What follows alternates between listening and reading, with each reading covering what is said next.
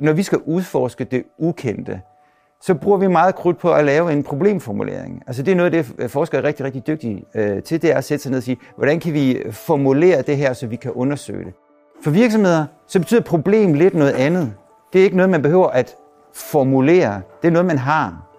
Så det er forskellige udgangspunkt for at lave et, øh, et samarbejde. Og det er der, hvor vi kan se, at der typisk opstår en misforståelse, når forskere og virksomheder skal, skal arbejde sammen. For de er simpelthen ikke enige om, hvad det betyder at have et problem.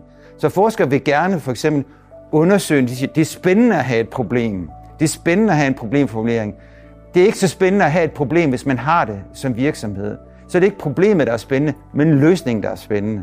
Og der er noget af det, vi har fundet ud af i Human Impact, det er, at hvis vi kan i talsætte det her, så kan vi sige, når vi sætter os ned og indstifter et samarbejde, så det første, vi skal finde ud af, det er, hvem er vi i forhold til hinanden? Er du her, fordi du har et problem, eller er du her, fordi du kan lave en problemformulering? Og så skal vi finde ud af, jamen, hvordan samarbejder vi så?